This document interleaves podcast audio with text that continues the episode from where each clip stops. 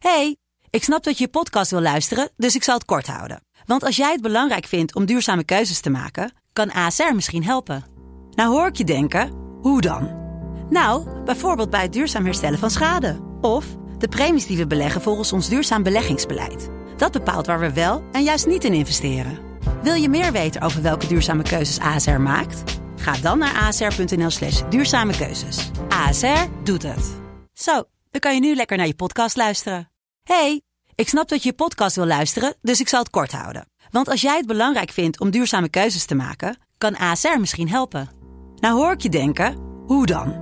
Nou, bijvoorbeeld bij het duurzaam herstellen van schade. Of de premies die we beleggen volgens ons duurzaam beleggingsbeleid. Dat bepaalt waar we wel en juist niet in investeren. Wil je meer weten over welke duurzame keuzes ASR maakt? Ga dan naar asr.nl slash duurzame keuzes. ASR doet het. Zo, dan kan je nu lekker naar je podcast luisteren. Dit is Mand, kortste podcast van Nederland. Vandaag wil ik het gaan hebben over stekkers. Ja, Als je daar naar kijkt, ik zit er een tegenover me. Zoek er allemaal even één op, mensen. ja Kijk ik eens zie naar een stekker. stekker. Ik zie oogjes. En je steekt eigenlijk je stekker in die oogjes. Hmm. Zielig. Dit was Mand.